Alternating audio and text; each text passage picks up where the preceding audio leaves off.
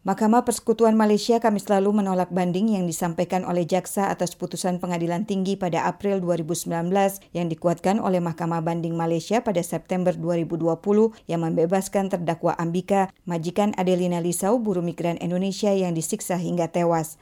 Menanggapi putusan Mahkamah Persekutuan Malaysia tersebut, Direktur Perlindungan Warga Negara Indonesia dan Bantuan Hukum Indonesia Kementerian Luar Negeri Judah Nugraha kepada VOA Minggu menjelaskan, putusan itu sudah berkekuatan hukum hukum tetap, karena itu lanjutnya langkah hukum untuk proses pidananya sudah selesai.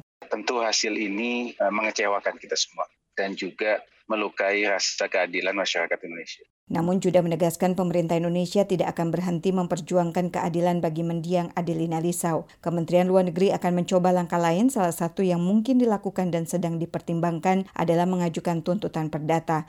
Dia menjelaskan yang harus mengajukan tuntutan perdata adalah pihak keluarga almarhumah Adelina, pihak Kedutaan Besar Republik Indonesia atau KBRI di Ibu Kota Kuala Lumpur, dan Konsulat Jenderal Republik Indonesia atau KJRI di Kota Penang siap memberikan pendampingan dan menanggung biaya pengacara selama proses tuntutan perdata bergulir. Menurut Juda, pihaknya sudah menghubungi pihak keluarga Adelina di Nusa Tenggara Timur atau NTT dan juga akan datang langsung ke rumah keluarga Adelina untuk menjelaskan langkah-langkah yang bisa dilakukan pihak keluarga selanjutnya.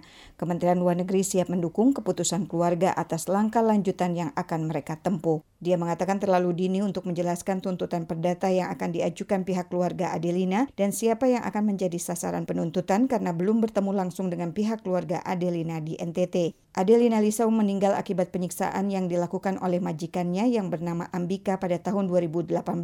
Juda menekankan pemerintah melalui KBRI Kuala Lumpur dan KJRI Penang sedari awal sudah terlibat memberikan bantuan dan pendampingan setelah sejak mengetahui kasus pembunuhan terhadap Adelina. Pemerintah juga menunjuk seorang pengacara untuk memantau proses pidana yang berlangsung terhadap majikan sebagai terdakwa kasus pembunuhan Adelina. Direktur Eksekutif Migran Care Wahyu Susilo mengatakan vonis bebas dari Mahkamah Agung Malaysia tersebut memperpanjang presiden tentang impunitas yang dinikmati para pelaku kekerasan di Malaysia. Dia menambahkan dalam beberapa kasus sebelumnya juga terdakwa juga dibebaskan. Saya kira baik semua pihak, masyarakat sipil, pemerintah Indonesia, kemudian juga masyarakat di Malaysia, saya kira juga harus mendorong impunitas pelaku uh, korban kekerasan ini harus segera diakhiri dan akses keadilan pada korban itu harus segera diwujudkan. Untuk mencegah kasus terus berulang, pemerintah diserukan tidak terburu-buru mengirim buruh migran sebelum Malaysia membenahi prasyarat yang mendukung keadilan terhadap korban. Dari Jakarta, Fatihah Wardah melaporkan untuk VOA Washington.